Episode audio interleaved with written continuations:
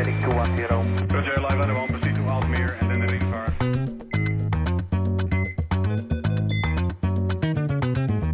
Goedendag beste luisteraars. Welkom bij Ambulance, de podcast. De podcast over ambulancezaken en prehospitale zorg. Deze aflevering wordt weer een nieuw ambulanceonderwerp besproken door mezelf en mijn gast van vandaag. Ik wens u veel luisterplezier. Ja, goeiedag. Daar ben ik weer, Ivo van Asperen, presentator van Ambulance, de podcast. En dit keer weer een eh, gewone aflevering, een reguliere aflevering. Normaal, eh, of tenminste de afgelopen zomer heb ik de mentale, eh, of de zomerspecial gemaakt van de podcast. En nu eh, heb ik weer een normale aflevering van de, nou misschien een uurtje, met twee gasten die ik heb uitgenodigd. En ehm, wie dat vandaag zijn, zijn Rob Erades en Iskander Maissan. Zeg ik het goed, je achternaam? Messan, Messan. Luister ik ook naar. Klinkt ook. Welkom, dat jullie, eh, oh, welkom hier en fijn dat jullie wilden komen. De reden dat ik jullie heb uitgenodigd is omdat ik laatst op een LinkedIn post zag iets over een nieuwe traumacursus. En toen dacht ik meteen, hé, hey, wat is dit? Dit is nieuw. Eh, ik was eigenlijk wel nieuwsgierig. En wat leuk dat jullie hier naartoe wilden komen om daar wat meer over te vertellen. Want eh, het is denk ik iets wat nou, de komende jaren misschien gaat lopen, toch? ja. Ja, om te beginnen bedankt voor de uitnodiging, eh, Ivo. Ja. Eh, we hebben inderdaad een nieuwe traumacursus ontwikkeld eh, aan de Academie van Ambulancezorg. En met het idee dat we daarmee de traumazorg weer een stapje verder brengen. Ja, hartstikke mooi. Voordat we daarover gaan praten, zou ik heel graag wat meer van jullie willen weten. Ja, ik ken jullie wel, ik weet wat jullie doen, maar de luisteraar niet. Als je wil een klein stukje afstand van de microfoon. Ja, dat klinkt dan net iets beter. Ehm, Rob, bij jou beginnen. Ja, nee, prima. Eh, Rob Herades, inmiddels eh, 63 jaar. Eh, werkzaam in eh, Utrecht met RAVU. En daarnaast, eh, dat doe ik twee dagen in de week. En daarnaast twee dagen in de week aan de Academie van Ambulancezorg als eh, docent initieel. En daarnaast voor een aantal eh, andere producten, onder andere de, eh, de tech-cursus, eh, de PET-lescursus. En eh, nou, daar ben ik eh, vier dagen, vijf dagen in de week druk mee. Ja. En mensen die het luisteren en al die afkortingen horen, ik ga het eventjes in de show notes erbij zetten. Dus zoek even op wat het is. Anders moet dat helemaal steeds gaan uitleggen. Ze zijn wel bekend in ambulanceland. En Rob, jij hebt, ik, nou, ik denk half Nederland opgeleid inmiddels. Je hebt mij zelfs opgeleid. Je was mijn groepsdocent. Ja, ja, ja, dat klopt. Ja, ik heb inmiddels eh, honderden collega's eh, mogen opleiden. Ik ben in 1996 begonnen eh, bij de toenmalige SOZA. eh, bij de wat oudere collega's wel bekend. Dat was in Amersfoort, in het oude klooster. En eh, daar heb ik eh, heel veel collega's gezien en opgeleid. En eh, nou ja, we hebben een hele rondgang door het land gemaakt. En uiteindelijk zijn we nu in Harderwijk een aantal jaren waar we nou, op een goede plek zitten. Redelijk centraal. En daar komen nog steeds gelukkig de nodige collega's voorbij Ja, om opgeleid te worden in ons nou ja, prachtige vak. ja. ja, het is ook een hele mooie locatie. Hè? Ik bedoel, tegenwoordig hebben jullie ook een hele mooie trainingslocatie waar je Ja, ehm, ja, heel realistisch kan trainen en opgeleid wordt, zeg maar. ja. Ja klopt helemaal. Eh, als je globaal kijkt naar een normale opleiding van een verpleegkundige of chauffeur, eh, dan is het vijf maanden nou ja, theorie en ook oefenen, maar dat doen we in een klaslokaal. En dan de, de afrondende twee, drie maanden doen we dan in het experience, zoals dat heet eh, aan de academie. En dat is echt een hele praktijkrealistische omgeving. Met een, nou ja, van, een- van een lift die in elkaar gestort is tot een bioscoop enzovoorts. Ja. En daar kunnen we echt uitstekende en hele leuke lessen draaien, zeker. Ja, ja het, is als je, het is echt een hele mooie straat nagemaakt. Hè? En een bioscoop zit erin en er zit een eh, restaurant in. Er wordt getraind met het MMT samen. Dus het is al eh, Ja, heel mooi. Ja, in mijn tijd was het dan nog niet. Het nee, dat bestond was dus nog een heel klein klaslokaaltje. Maar goed, eh, fijn dat het is mee ontwikkeld. Ja. En eh, links van me zit eh Iskander. Vertel eens. ja, ik ben Iskander, ik ben 45 jaar. Ehm, ik ben ooit eh, tijdens mijn studie geneeskunde begonnen als eh, chauffeur bij eh, verschillende ambulancediensten via uitzendbureaus. Ehm, toen ik mijn BIG-registratie als arts had, ben ik naar de andere stoel gegaan om ook in, de, nou ja, in functie van de verpleegkundige op de ambulance te werken. Eh, tijdens mijn opleiding tot anesthesioloog eigenlijk. En in mijn laatste jaar kwam er een vacature bij het MMT. En eh, nou, daar ben ik ingesprongen en aangenomen. En ehm, ze zijn nog steeds niet van me af, na elf jaar. Nee, hè, dat is de Lifeline 2 volgens mij. Hè? Lifeline 2, Rotterdam. Rotterdam, ja. En ehm, was het in die tijd zo? Want ik weet dat het was, was wel wat anders. Maar heb jij toen de chauffeursopleiding ook gedaan dan aan de academie? Of de SOZA? Ja. Eh, niet aan de SOZA, nee. Ik heb toen eh, bij eh, de MMA van Rob in een Porto Cabin midden in Utrecht een, een profjack mogen doen. En het was goed genoeg. En toen kon ik eh, voor het uh, uitzendbureau aan de slag.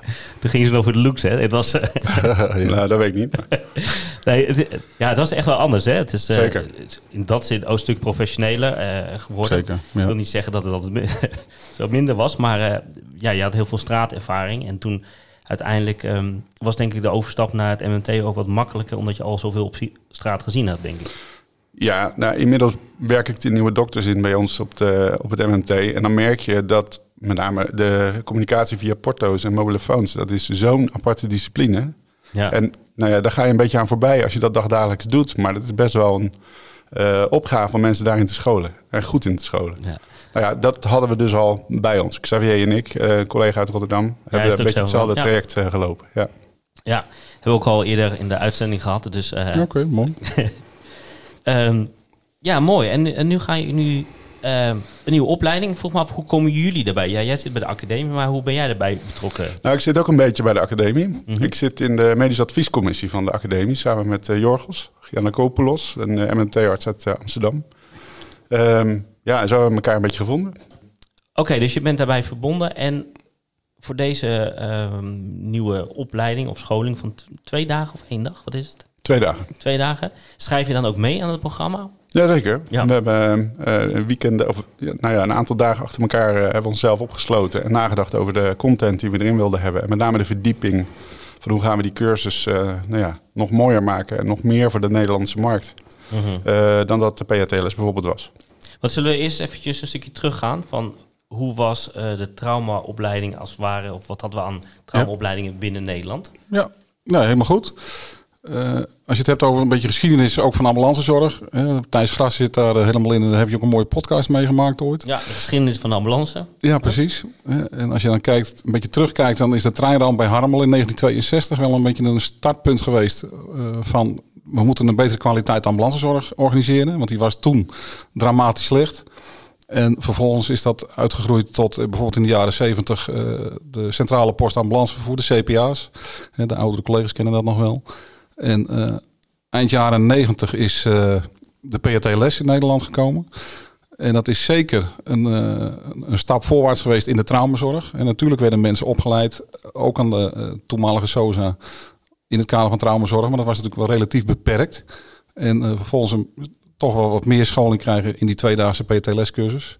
Was wel behoorlijk Amerikaans, maar dan ja. nog. Staat wel voor Pre-Hospital Trauma Life Support, hè? Dat, daar staat hij ja. voor, ja, heel goed. En uh, nou, dat betekent, dat was ook letterlijk wat we aan het doen waren natuurlijk. En dan met name ook nadenken, want dat was binnen die cursus zeker aan de orde. En dat geldt nog steeds eigenlijk voor de traumatraining die we nu gemaakt hebben. Van, maak de juiste keuzes voor de slachtoffers waar, die, waar je, die je aantreft. En op het moment dat je besluit is van die moet snel naar een ziekenhuis, dan ga je ook snel naar een ziekenhuis. En daar moesten we, zeker begin jaren 90, begin 2000, de collega's echt wel van overtuigen. Want toen was er nog erg aan de orde dat je ter plaatse mensen stabiliseerde. Ik loop al geruime tijd mee in deze, dit mooie vak. En ik heb nog protocollen gekend waarbij we patiënten ter plaatse moesten stabiliseren. Er gingen twee dikke naalden in. We gaven een liter zout, eh, een liter uh, hemacel en weer een liter zout. En we hoopten dat ze dan op bloeddruk bleven. Dat vonden we toen heel belangrijk. Ja, vullen, hè? Het vullen van de patiënt. Ja. Dus er zaten drie liter in voor we in het ziekenhuis waren. Ondertussen waren alle rode bloedcellen natuurlijk weggespoeld. Alleen dat realiseerden we ons niet. Hadden we niet in de gaten. Was iemand afgekoeld? Nou ja, dat soort zaken. Ja. En daar werd binnen de PRTLS-cursus absoluut ook wel aandacht aan besteed. En dat werd natuurlijk steeds verder uitgebouwd. Ook eh, binnen de nieuwe opleidingen. En de initiële opleiding eh, wordt er natuurlijk ook veel aandacht aan besteed. Dus, uh, ja. Het is toch grappig hè? als je dan soms terugkijkt in de geschiedenis dat je denkt, waar waren we toch mee bezig? Hè? Als je ja. met de kennis van nu en dat je ook niet bijna kan voorstellen dat we dat deden. Nee, dat, nou, dat is absoluut zo. Als ik naar mijn, uh, naar mijn geschiedenis kijk. Uh, ik ben begonnen bij een kleine ambulance dienst in IJsselstein, een dorpje bij Utrecht. Ik werd gebeld. Ik had mijn CCU-diploma, mijn hartbewakingsdiploma. Ze hadden echt dringend mensen nodig. Dus ze belden, joh, kun je in de zomer bij ons komen werken?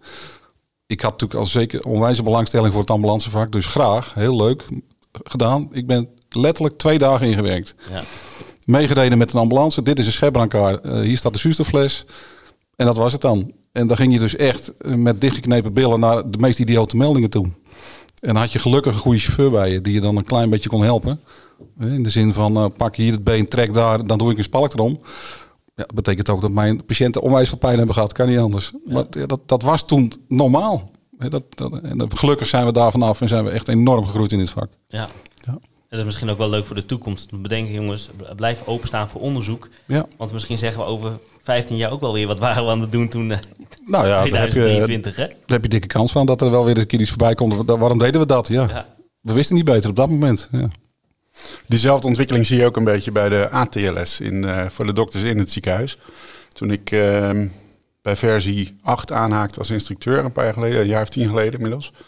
Eh, toen gaven we inderdaad ook eerst een liter zout en dan gingen we eens kijken wat de bloeddruk deed. En dat was dan een soort eh, indicator voor, is het een responder, is het een transient responder of een non-responder. Ehm, en daarna moest je dan vooral bloed gaan geven. Inmiddels weten we dat, dat je inderdaad koud, zuur en verdunt met eh, al dat zout. En nou, zeker als je de, de HES-producten of de, Ja. de colloïden gaat geven, zoals je net beschrijft. en gaan we veel eerder met bloed aan de slag. Maar die vertaalslag zie je inderdaad vanuit het ziekenhuis eh, doortrekken naar, eh naar prehospitaal. En ik denk dat dat een hele goede ontwikkeling is. Ja.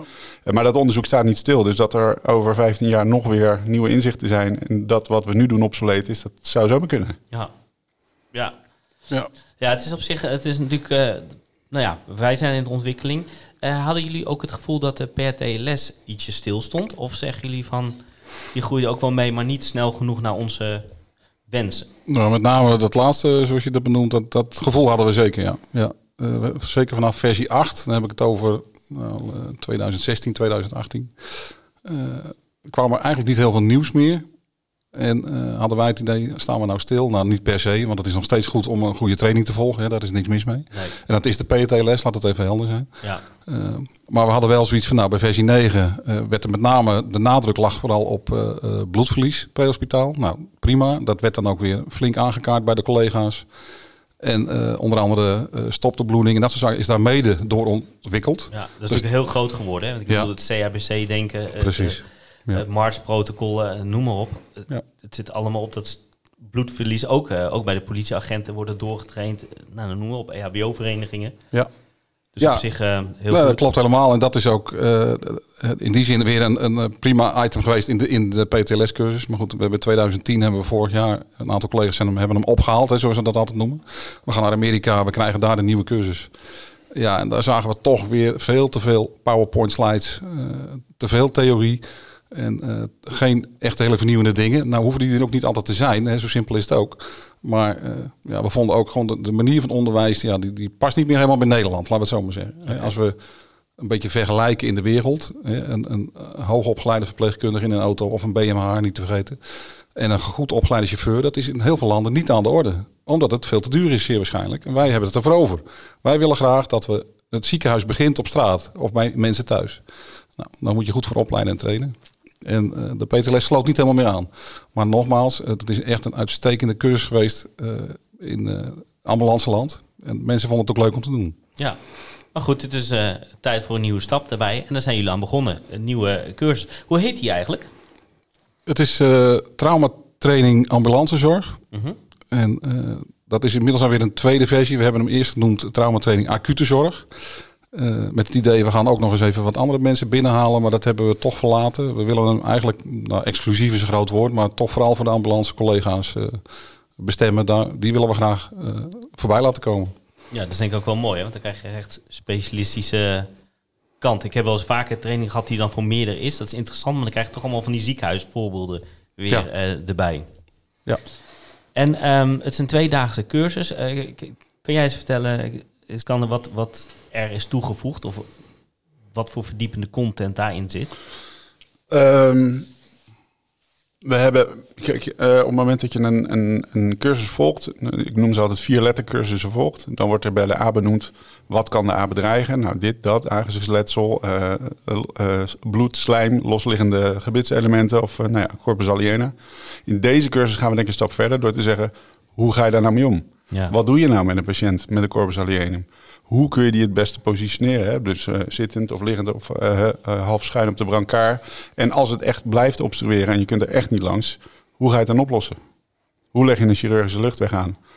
Ehm, en ook de fysiologisch moeilijke luchtweg, die je ook kunt verwachten bij mensen met bijvoorbeeld longcontusie of een, eh, een pneumothorax of een uh, fladderthorax. Dat zijn ook uitdagingen nou ja, die wel wat verdieping kunnen gebruiken, denk ik. En daar gaan we verder op in. Dat is denk ik een mooie inderdaad. Want ik, Ja. want ik zit nu even zo te denken van ja, ik weet dat ik een, een nou misschien een praktijkvoorbeeld, eh, dat ik ehm, ehm, geen tube kreeg, IGL ging niet. Eh, ja, ik moest daar volgens mij echt gaan ingrijpen. Eh, probeerde dat membrana cricoteroidea zeg maar, te voelen onder die ademsappel, dat niet lukte. Ehm, en ik dacht van oké, en nu? Ja, en dat het uiteindelijk gewoon een hele kleine houdingwisseling was door iets onder die schouderbladen te doen om te voelen. Ehm, gelukkig kreeg ik dat mee met die MMT-arts die op dat moment binnenstapte en kon het samen doen. En dat ik, ja, weet je, het is een klein tippie Ja. die, eh, ja, die handig is om te weten. Ja, nou ja, we hebben de faculty ehm, voor deze cursus standaard uitgerust met één, minimaal één MNT-arts. Ehm, naast dat we hebben meegedacht over de content van de cursus, die sowieso breed uitgedragen wordt door, door alle instructeurs, ja, zijn we er dan toch voor die nou ja, kritische mensen zoals jij nu bent, eh, eh, van hoe ga ik dit nou oplossen? Of, heb je daar nog een tip voor in die eh, situatie die ik nou ja, ooit eens heb meegemaakt? En het is ook zo dat, ik kan zo'n voorbeeld noemen, omdat je inmiddels zoveel jaar op de auto zit. Maar als jij dus begint met, of je hebt het wel al zoveel jaar op de auto en je hebt het niet meegemaakt, hè, want dat komt bijna niet voor. Ik geloof dat een coniotomie, of tenminste dat dat minder dan 1% is geweest van alle paramedics in Amerika die dat hebben moeten uitvoeren of zoiets.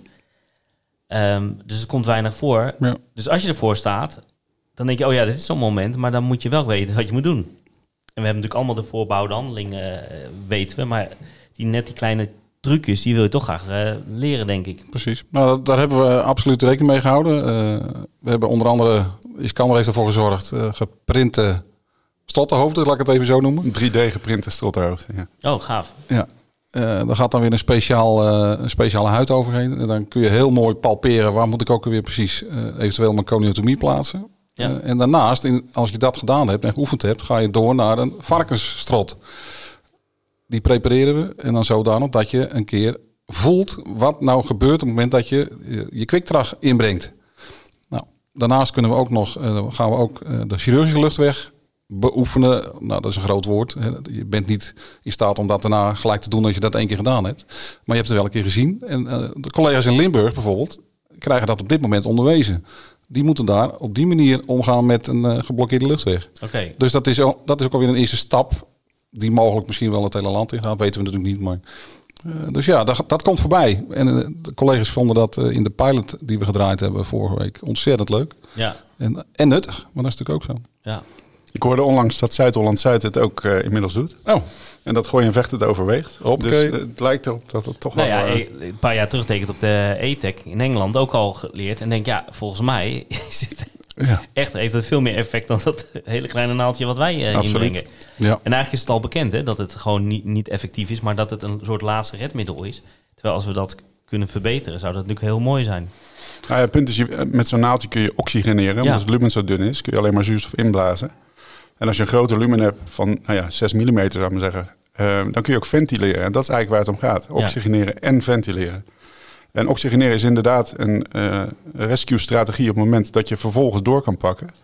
Maar als dat het enige is wat je kunt doen en je moet nog 35 minuten rijden, dan heb je toch, of heeft de patiënt met name een heel groot Ja. probleem. Denk. Mooi, het is eh, vaak eh, één schaap, hè? Als er één schaap is en, en, en één, eh, één MMA die durft het aan om daar toestemming voor te geven, dan volgt de rest wel. Want dat is het vaak volgens mij. En eh, het is wel belangrijk dat er goed onderwezen wordt, maar het is mooi om daar bij jullie een eh, start mee te maken. Ehm, nou, je hebt het nu over die luchtweg. Zijn er nog andere dingen waar jullie echt op ingaan? Vast. Ja, absoluut. Eh, kijk, het ABCDE verandert niet. Hè? Laat dat even helder zijn. En de trauma's veranderen ook niet. Die blijven min of meer eh, hetzelfde. Alleen hoe pakken we ze aan en eh, hoe zorg je ervoor dat, dat iemand eh, de, juiste zorg op dat moment krijgt? Daar zijn we mee bezig. Nou, de A hebben we het net even over gehad. Eh, we gaan wat, dieper in op de B, uiteraard. En we bespreken een aantal zaken. Maar we doen dat niet meer op een, nou, noem het even ouderwetse PowerPoint manier. We rammen er eh, 35 eh, ra- dia's doorheen en daar gaan we even over hebben. Nee, we doen het veel meer in de vorm van onderwijs-leergesprek. In de zin van, nou, eh, je daagt je studenten uit van, nou, wat weet jij ervan? Wat kun je ervan zeggen? Wat kun je ervan vertellen? Wij hebben nog wel een tip of een truc voor je. En daar, op die manier proberen we dat eh, vorm te geven. En eh, we denken dat dat heel goed werkt. Eh, het is niet meer eh, alleen maar consumeren, zoals heel veel cursussen helaas nog steeds zijn.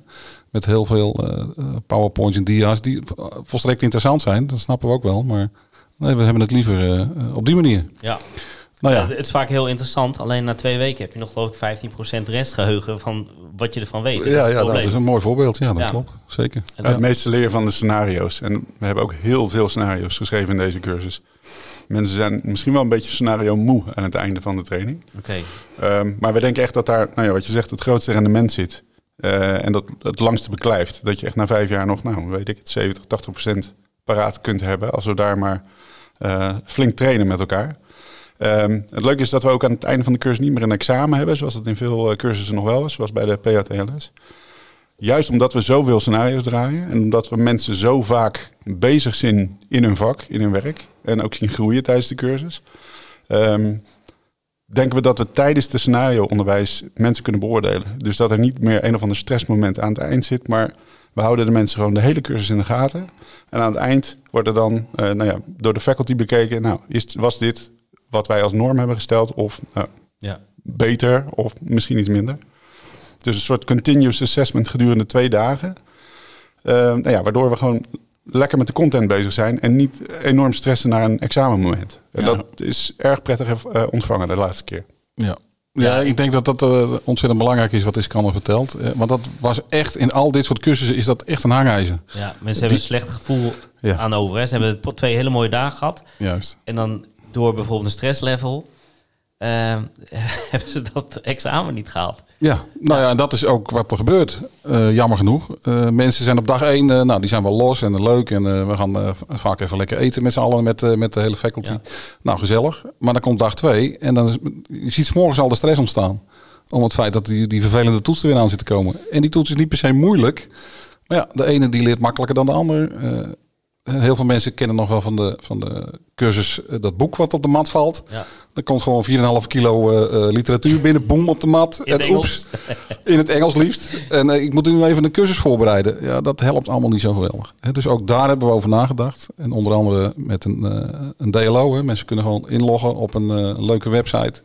Daar wat de nodige zaken binnenhalen op het gebied van trauma. Zodat ze allemaal een klein beetje op hetzelfde niveau binnenkomen, liefst. En dan eh, gaan we daarmee verder. En En dan er zit wel een eh, voorbereidingsstuk in voor jezelf. ja, ja, ja, zeker. En, ehm, en, en dan ga je aan de slag. En dat klinkt als een, eh, nou ja, inderdaad, sommige presentaties, maar heel veel scenario, dus heel veel casuïstiek trainen. Wees niet bang voor een examen. Je wordt wel beoordeeld gedurende casuïstiek, maar je bent wel om te leren. Hè? Dus je Ja. wordt constant bijgestuurd. Dus heb je faal langs, ga gewoon, want je wordt toch bijgestuurd. Toch? Ja, nou, dat, dat, eh, leg je helemaal goed uit. Ja. Kijk, eh, het, het principe van een ongoing assessment, zoals het heet, of continuous assessment, is niks anders dan eh, je wordt geobserveerd. eh, en we hebben een aantal punten waar je, eh, nou ja, laten we zeggen, een bepaalde norm moet je halen. Maar dat vind je zelf ook hopelijk. Ja. Eh, nou, dan word je in bijgestuurd. Eh, je, zit, je werkt in principe met een vast groepje van plegen en chauffeurs. Eh, of een BMA natuurlijk. En eh, met een vaste mentor. Die zie je natuurlijk niet iedere cursus. Of, of ik bedoel iedere. Scenario. casuïstiek of scenario. Eh, maar die heeft wel eh, contact met je. Aan het eind van de dag even, dag één, s morgens even. Nou ja, op die manier. En dat denken we dat dat goed werkt. En als we kijken naar de evaluaties van de eerste pilot. Dat waren, eh, die hebben we gedraaid met eh, de mensen van de faculty. hè, van, de, van met name de oude PTLS faculty. Want die willen we ook graag instructeur laten worden bij deze cursus. Ja. Nou, iedereen heeft eh, gelukkig gezegd van dat ga, ga ik graag aan meedoen. Die hebben de cursus gedraaid. En daarnaast hadden we een aantal chauffeurs van een uitzendbureau gevraagd. Omdat de match uh, chauffeurs lag natuurlijk weer scheef. Dus die hebben we erbij gevraagd. altijd, hè, dat is heel vaak zo. En met name die onvoorbereide chauffeurs, hè, want dat waren geen facultyleden, die waren echt enthousiast. Op deze manier bekeken worden, getoetst worden, ja, dat past goed bij onze sector inmiddels. ja. En lekker actief, hè? Want dat, dat hebben we altijd als we te lang moeten zitten. Ja, Is ook niet echt eh, nee, prettig. nee. Maar ze waren wel eh, eh, behoorlijk moe aan het eind van de cursus. Dat wel zoveel scenario's. Maar ja, dat is wel Ja. wat voor doen. Ja. Ehm, verder, want we hebben nu over gehad, je, hebt gezegd die ABCD niet. Z- zwangere, eh, ouderen, worden die nog behandeld in die cursus? Zeker, ja. Ja, met name de, de fysiologische veranderingen, die, eh, die komen zeker aan het licht en aan bod. En met de toenemende vergrijzing ja, heb je nou ja, met regelmaat te maken met mensen die toch eh, een andere fysiologie hebben. Of eh, minder reageren in een nou ja, tachycardie of dat soort dingen.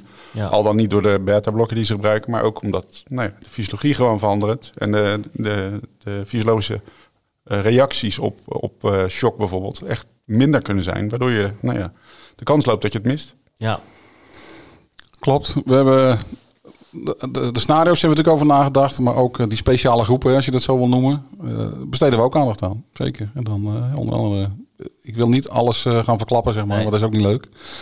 Maar zeker de, de, de zwangeren en de ouderen. Nog, wel- nog een aantal andere zaken komen voorbij. En ja, we denken dat dat goed uitpakt. Ja, er zijn natuurlijk al, dat, dat ga ik dan wel doen, maar er zijn natuurlijk wat valkuilen daarmee inderdaad. Precies wat je zegt, fysiologie is anders. Eh, mensen gebruiken eh, bloedverdunners waar je rekening mee moet houden. Beta-blokkers, waardoor ze inderdaad geen tachycardie kunnen krijgen in shock. Ja. Eh, daarbij hadden ze al misschien hypertensie en denk je dat het nu een hele mooie bloeddruk is, maar dat is eigenlijk te laag voor zo'n oudere.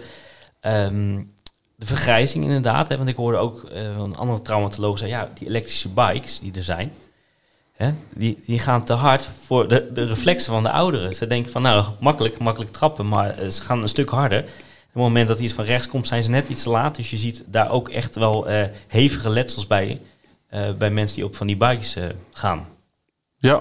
ja. Kijk, laten we eerlijk zijn. Ons lieve Heer heeft ons nooit ontworpen om eh, harder dan eh, 20 km per uur te gaan. Nee. Op het moment dat je op de fiets gaat zitten, gaat het eigenlijk al mis. Als je een beetje doortrapt. Dus ja, de letsels die lopen op. En ik denk dat Iskander daar wel de voorbeelden behoorlijk veel van ziet. Ik heb wel eens iemand, een arts, een meloen naar beneden zien gooien. En dan kijk even naar links. ik weet niet mensen of jullie dat filmpje kennen. Jij laat even zien wat er met je hoofd gebeurt hè, als jij van een bepaalde hoogte op je hoofd terechtkomt. Nou, ik, ik weet niet of een meloen hetzelfde is als een hoofd. Ik heb vooral laten zien wat het effect van een helm kan zijn. Ja, dat is het meer. ja, ja want eh, de meloen in de helm die was meer intact dan de meloen die eh, nou ja, volledig uit elkaar spatte. Ja, inderdaad. dat is een soort smoothie geworden. Ja. Wel een mooi voorbeeld, want het is toch wel... eh, ik ik heb het vaak voorbij zien komen. Maar het belang inderdaad van een helm. ehm, ja. Dus veel scenario's. De zwangere. Hè, dus een Onder andere, Met, ja. met zwanger. En eh, wordt er in dat Experium getraind? Ja, ja, ja, heel nadrukkelijk. We hebben daar eh, dusdanig veel mogelijkheden. En daar hebben we natuurlijk ook eh, onze scenario's opgeschreven. Dus eh, daar gaan we mee aan de slag. En eh, ja, we kunnen daar zoveel dingen anseneren. Met ook nog daarnaast een eh, behoorlijke groep trainingsacteurs. Eh, het is niet alleen maar een Lotus, het is een Lotus Plus, laat ik het zo maar zeggen. Mensen die echt wel eh, iets echt heel goed weg kunnen zetten en, neer, en neerzetten. En daarmee, eh, nou ja, ook je, de, de student prikkelt. Want die gelooft echt wel dat daar een probleem zit. Ja. Dus ja, dat werkt goed. Heel even uit de praktijk. Wat, wat vind jij, want jij rijdt op de, op die natuurlijk al jaren. Wat, wat, wat vind jij lastig aan traumaslachtoffers? Waar loop je zelf wel eens tegenaan? Nou, het lastige van traumaslachtoffers is één, eh, snel in kaart hebben wie er snel weg moet. Dat is, en, en we, we zien, eh, mede omdat ik natuurlijk in het onderwijs zit en ik ook, eh, nou ja, onder andere assessments afneem, dat collega's daar toch zo nu en dan misgrijpen. Allerlei dingen gaan onderzoeken, monitoren aansluiten en dat soort zaken. En dat zou je eigenlijk niet moeten willen. Je moet een beetje serieus zou. eh, kijk, een, enkel op het volleybalveld, dat geloven we wel. Maar alles wat wat meer is, eh, moet je even kort en bondig en snel onderzoeken en een besluit nemen. En als je besluit van ik wil weg, dan ga je ook weg. En daar blijft het nog wel eens hangen. En eh, ja, op die manier proberen we dat ook in deze cursus weer helder te krijgen. Jongens, maar neem een besluit. En neem dan ook het goede besluit uiteraard. En zorg dat je op tijd wegkomt. Ja. En dat is natuurlijk ook het. ehm, en dat is denk ik ook een heel groot communicatiegedeelte waar het soms in vastloopt. Wat ik ervaar is dat eh, je wil snel weg. Als je op een shockroom komt, kijken ze ook verbaasd als je bijvoorbeeld iets niet gedaan hebt. Hè, van, eh, geen bloeddruk of wat dan ook. Terwijl, weet je, als jij een vier minuten of vijf minuten aanrijdtijd hebt en je zit klinisch, ben je op je klinische blik aan het werk. Want je hebt ondertussen ook nog een shockroom moeten regelen en zit te bellen Ja. en eh, nog handelingen doen. Dat je dan het gevoel hebt, ja, ik moet dat gedaan hebben. Terwijl dat eigenlijk niet het beste geweest zou zijn voor de patiënt om die tijd te nemen. Omdat je misschien iets anders belangrijker was. Dat er namelijk een team klaar staat die er ook wat aan kan doen aan die Precies. bloeddruk. Ja.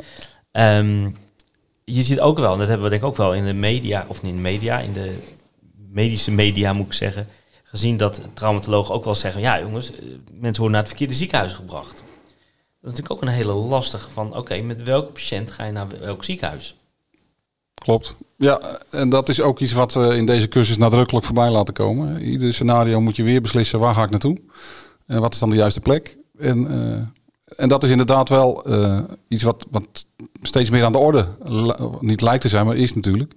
In de zin van eh, neem het goede besluit, ga naar het juiste ziekenhuis. En dat betekent dat je regelmatig met iets wat, waar je in het verleden naar een eh, level 2 ziekenhuis zou gaan, je toch naar het traumacentrum zou moeten. En eh, nou ja, dat proberen we natuurlijk uiteraard in deze cursus ook een aantal te besteden. Ja.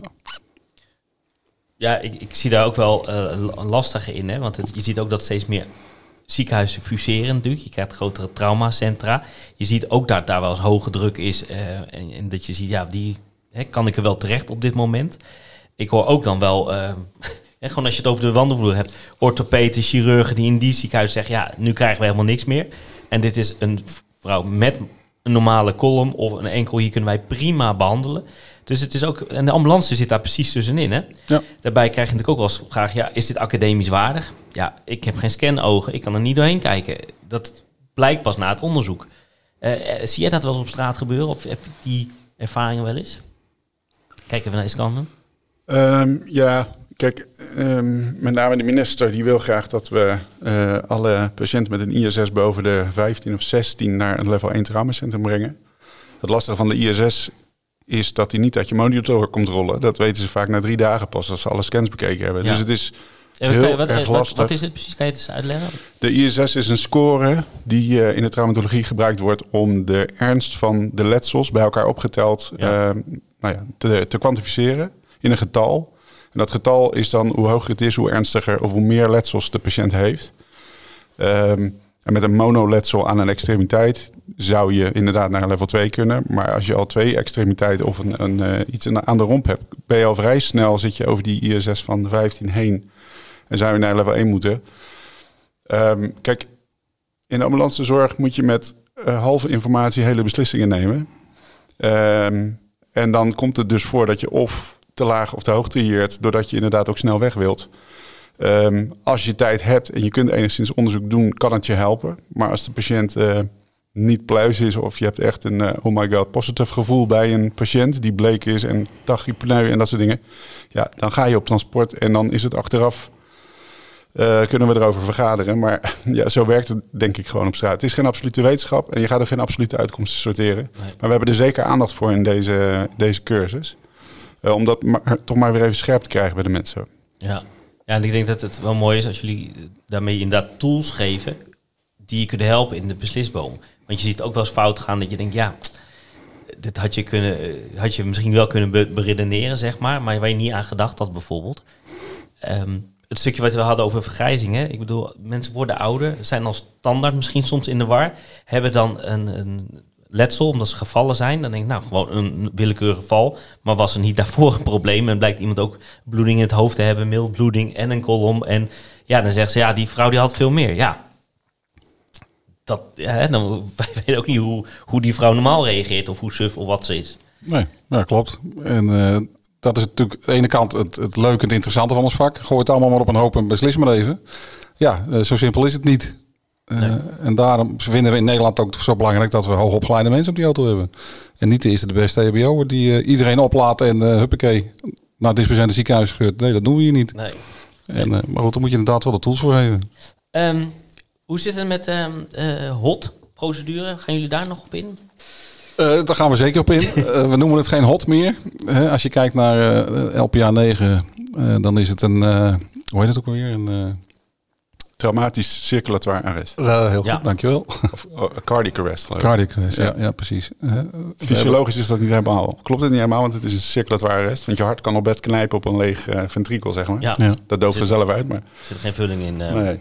Traumatisch circulatoire arrest, dat is volgens mij eh, met mijn fysiologische bril de beste benaming. Maar goed, Ja, Dat- nee, dat zal helemaal kloppen. En eh, de, de HOT als nou ja, titulatuur, zeg maar, die is eh, niet verlaten, want het is nog steeds een acroniem wat klopt. Ja, dus moeten we ook vooral gebruiken. Eh, maar, zo is hij bekend op de werkvloer, denk ik. Nu ja. nog. ja, klopt. Misschien naar jullie... eh, Nou ja, zeg maar. Maar goed, kijk, als je het in je onderwijs gebruikt, hè, de HOT, waardoor je denkt aan, oh ja, ik moet hypovolemie moeten tackelen, ik moet denken aan eh, Oxygenatie. oxygenatie, ik moet een tamponade regelen, nou ja, weet ik veel. Ja. Ja, prima. Eh, alleen formeel eh, moeten we het niet eh, te veel gebruiken, maar gewoon de TCA is prima. Ja. Ja, nou, HOT is denk ik geen procedure. Als iemand verbloedt uit een eh, wond in zijn lies, dan heeft hij geen thoraxnaalden nodig. nee. En als het een procedure is en iemand denkt dat hij dan ook bij een traumatisch circulatoire arrest al die stappen moet nemen om een juiste behandeling te doen, ja, dan denk ik dat we het doel een beetje missen. Eh, dus daar hebben we zeker wel aandacht voor. Ja, Ja. Dat is een mooi, wat je, dat snap ik wat, wat je daarmee bedoelt. Want je zag nu dat mensen zeiden, er moeten standaard twee naalden in stonden, even te luisteren en hun gezond verstand gebruiken. Dat, hè? Ja. Ja, wij zeggen als Ja. je de patiënt op de kap neemt en je hebt het gevoel dat de thoraxhelften allebei goed opkomen, Ja. je kunt goed ventileren. Even mooi een ademgeruis, ga er alsjeblieft geen Why naald in. bother Ja. om twee naalden te steken? Ja, Ja. precies. Ja. Ja, en da- en dat is zeker in het beginfase, begintijd van de hot, eh, zoals vandaan, is dat wel eh, een beetje het land ingegaan. Ja. Eh, ja, dat moeten we niet willen. Nee. Maar dat, dat zie je sowieso over trauma denken. Dat heb je ook met die nekkraag. Hè? Die nekkraag, die ging, oh, die gebruiken we niet meer. Die ging in de kassie. En niemand wist meer hoe dat ding gaat. Maar het, is er eigenlijk nooit uit geweest. Nee, zeker niet. Op het moment dat je iemand die slecht aanspreekbaar is uit een, uit een autovrak moet zien te krijgen, of ergens uit een put, we- weet ik veel wat je, waar Ja. iemand in ligt, ja, dan is zo'n ding nog steeds van nut. Maar je ziet inderdaad dat de collega's niet meer weten hoe het werkt. Nee, want als wij, eh, volgens de regels was het, als wij, we moeten iemand immobiliseren als wij die man gaan draaien. Ja. Als iemand het niet zelf kan en je kan die nek niet vasthouden omdat je achterin zo'n ding zit, eh, in zo'n wrak, dan moet je toch die nekkraag. Dus eh, En daar, precies daar is die voor ontwikkeld, hè? Ooit. Een patiënt die mechanisch bekneld zit achter het stuur, die mogelijk iets aan zijn nek heeft. En die 12 kilo die het hoofd weegt, drukt op die mogelijk beschadigde nek.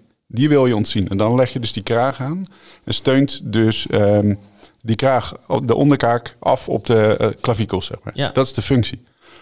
Maar als die patiënt dan netjes op zijn rug op een brancard of in een vacuümmatras ligt, dan moet hij er vooral weer af. Dan heeft hij echt een functie. En hij kan dus de intercraniële druk verhogen en nou ja, allerlei andere problemen veroorzaken. ja. En, en, en volgens mij gingen we op dat tweede wat je nu zegt, daarvoor was gezegd, oké, hij, hij moet eraf. Maar toen dacht ook de, de meeste van, nou, hup, hij kan er helemaal uit. Ja. Nou ja, dat is wat er gebeurde. Ja. Ja, zeker. Maar goed, we hebben natuurlijk eh, honderdduizenden patiënten op een plank met een nekkraag om de eerste hulp opgedouwd. En eh, hoeveel scans zijn er wel niet gemaakt, jongen? Onvoorstelbaar. Ja. Maar goed, het laat helder zijn. We dachten toen dat dat de juiste werkwijze was. Hè? Dus ja, we doen onderzoek. We komen erachter van nou, die intercraniële druk die loopt wel lelijk op. Nou ja, enzovoort. Ja. Dus ja. En nu zijn we denk ik soms wel iets te makkelijk geworden. Dat krijg ik ook wel weer eh, terug. Kijk, de indicatie voor immobilisatie is nooit veranderd. Die Nee. nek kan nog steeds stuk zijn. Ehm, en als iemand, hè, we hebben onderzoek gezien dat mensen eh, zelfstandig uit een autovrak stappen, die dus niet onder invloed zijn, die dus niet bewusteloos zijn of een bewusteloosheid gehad hebben, dat die hun nek veel beter zelf kunnen immobiliseren dan dat wij dat gaan doen met kunst en vliegwerk en het dak eraf en, en dat soort gedoe allemaal van vroeger. Maar ze kunnen nog steeds een gebroken nek hebben. En ze kunnen nog steeds een gebroken ruggenwervel hebben lager in de, in de, in de spine, zeg maar. Dus als het incident ehm, verraadt dat er heel veel energie is geïncasseerd door de patiënt, ja, dan moet je echt voorzichtig zijn met de rug, denk ik. Ja. En het leuke is, dat gaan we dus ook oefenen in deze cursus. We hebben een aantal autovrakken en eh, we gaan, eh, nou, gaan we knutselen. Kijk maar even hoe je het op gaat lossen. En eh, nou ja, worden we weer slimmer van. Klinkt heel leuk. Ik, heb, ik ga hem al opgeven. Ik heb er al zin in. Nou, zou ik zeker doen. Ja. Het is, eh, nou, dat is wel leuk dat je dat zegt. Eh, je ziet natuurlijk dat de traumacursus vrij snel komt op het moment dat je gediplomeerd bent hè, eh, in Harderwijk. En dat is prima. Hè. Jonge collega's toch weer even meenemen in de traumatologie. Jong, denk hier en denk daar aan enzovoort. Maar ik denk dat deze cursus absoluut ook voor de collega is die al een paar jaar gediplomeerd is. Of voor mij heb het 15 jaar gediplomeerd. Doet er niet toe. Gewoon weer even lekker dingetjes ophalen en bekijken. Ja, zou ik zeker doen. Ja. Ja, dat is natuurlijk ook, dat, dat- hè, je doet iets al jaren, dus je hebt je, ook je eigen methodes. Maar is dat nog wel Ja. zoals het is? Er zijn een paar cursussen, net zoals de PHP-LS, vind ik ook zo'n opleiding. Dat, dat geeft je zoveel houvast naar je, Ja. naar je opleiding. En dan denk je, ja, weet je, dan heb je echt het gevoel van, nu kan ik kinderen gaan eh, zien. En daarvoor heb je ook wel, maar dan is het toch altijd wat spannender op de een of andere manier. En daarna hoor je dat heel veel mensen, dat ze een soort rust hebben gekregen. En Ik dat- heb eh, twee jaar geleden de POET mogen doen. Ja, En dat is zo'n verloskundige cursus. Doe je samen met eh verloskundigen in opleiding. Hè, zijn bijna klaar. En die moeten dan nog, eh, nou weet ik veel, twee weken of zo. En eh, daar heb ik onwijs veel van geleerd. Ja, mede omdat ik in, ik, ik werk nu 36 jaar op een ambulance. Ik heb nog nooit een bevalling gedaan. Nou, dat is wel heel maf, want als je collega's spreekt, die hebben er wel tien Ja, ja. achter te kiezen. Ik heb er al vier of zo. nou, dat bedoel hè. ik. En ik nog nooit. Nou ja, ik ben er niet bang voor. Ik denk wel dat het me gaat lukken. Maar met zo'n cursus in je achterzak, je hebt toch weer wat tips en trucs meegekregen. Weer wat slimme dingen. ja, werkt hoor.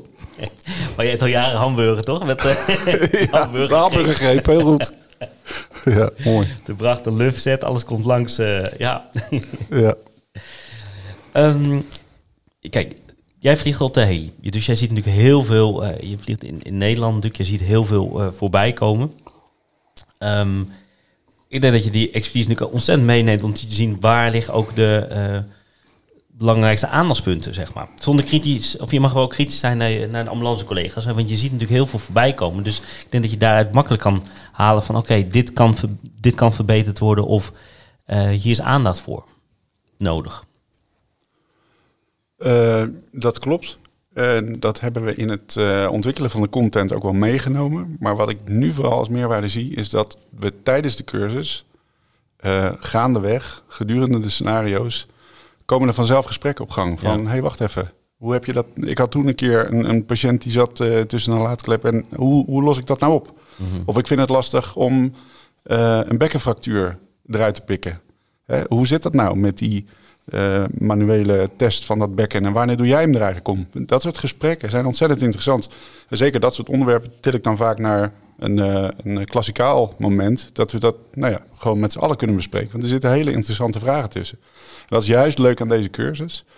Dat mensen, zeker als ze al wat langer op de auto zitten en wat meer hebben meegemaakt, dat je gewoon met elkaar eh, het gesprek aangaat. Want het is heel solistisch werk. En je hebt inderdaad na een opleiding en misschien een aantal keer een refresher cursus of eh, zoiets, heb je weinig contactmomenten. En dit is juist ook eh, tijdens het eten bijvoorbeeld s'avonds het moment om nou ja, gewoon van ideeën te wisselen, ervaringen uit te wisselen. En dat is, dat is net zo leerzaam. Ja, nou net zo- eh, nog meer zelfs, want ik, het hoogste is intercollegiaal eh, leren. hè? Je kijkt naar die, naar die didactische dit, daar leer je echt het meest van intercollegiaal. Ik geloof 70% leren wij intercollegiaal van elkaar. Dus dan is dit, als je dat zo koppelt aan zo'n casus, gewoon heel sterk. eh. Dus prachtig. Zeker. Ehm, eh, ik had het al eerder gevraagd, maar waar kwamen de docenten vandaan? Je zegt, er er zit altijd een MMT-arts bij. En voor de rest, Het zijn eh, collega's uit het land. ja, Hè, die eh, ooit gevraagd zijn, eh, die opvielen in de PTLS-cursus. Van nou, eh, zou je het, vind je het leuk om instructeur te worden? Nou, dat is dan zo'n weggetje van zeg maar. Je moet een aantal cursussen doen. Je moet een aantal cursussen meelopen. Ja. En je krijgt een, een didactische cursus. En, dus die collega's van de, vanuit de PTLS draaien nu ook deze cursus.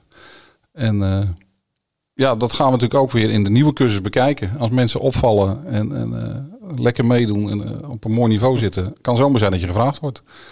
Ja, het heeft geen zin om je mooiste jurkje aan te trekken, hè? Maar het is echt, je moet opvallen op kwaliteit. Nou, dat is wel de bedoeling, ja, zeker. Ehm, het is een eh, cursus van twee dagen. Hoe, hoe is een beetje, wat kunnen mensen verwachten aan de opbouw?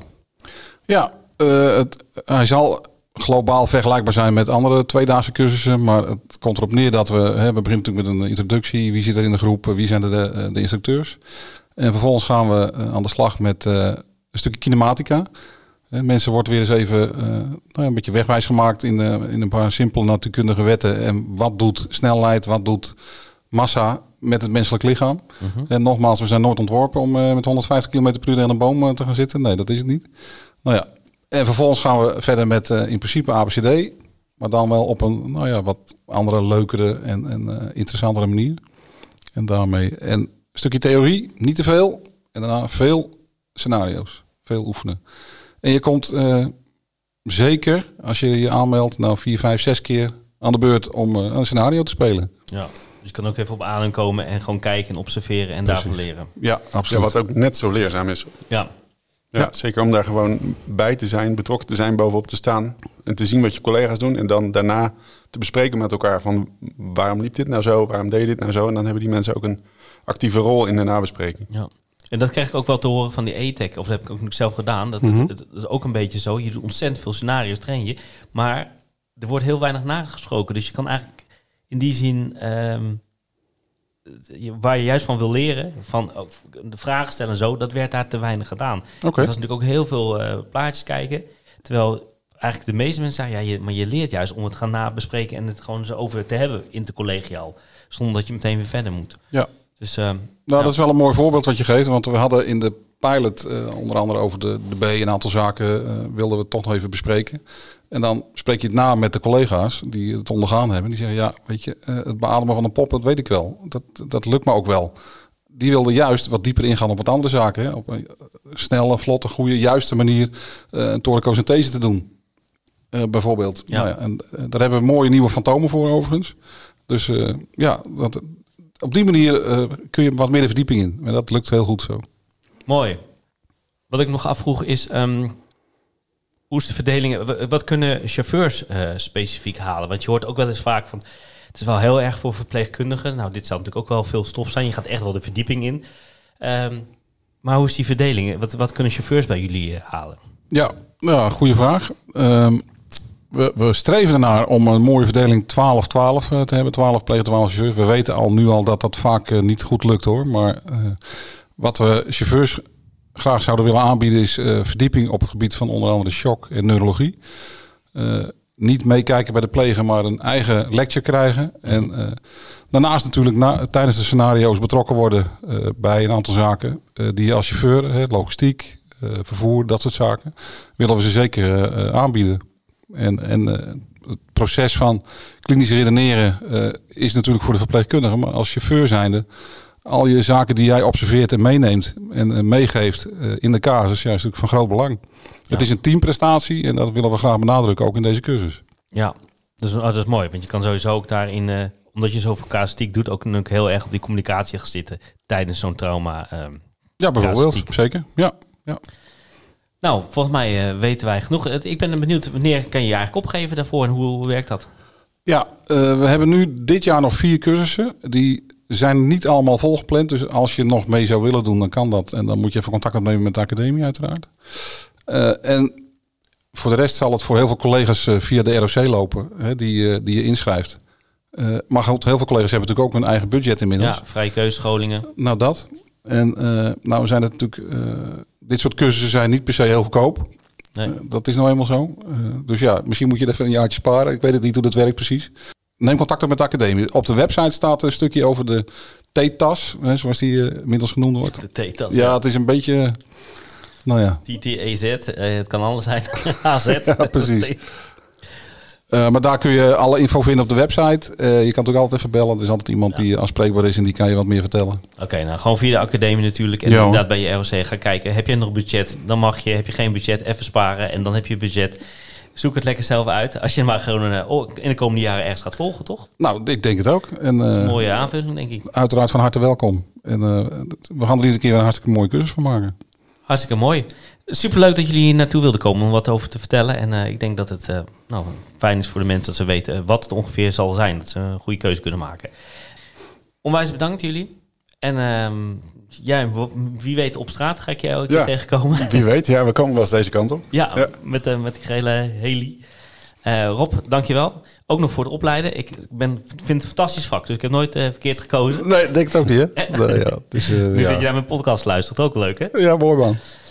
Hey, dank jullie wel en eh, nou, we gaan ons inschrijven en eh, komen naar jullie kant op. Super. Helemaal goed. Dankjewel. Dankjewel.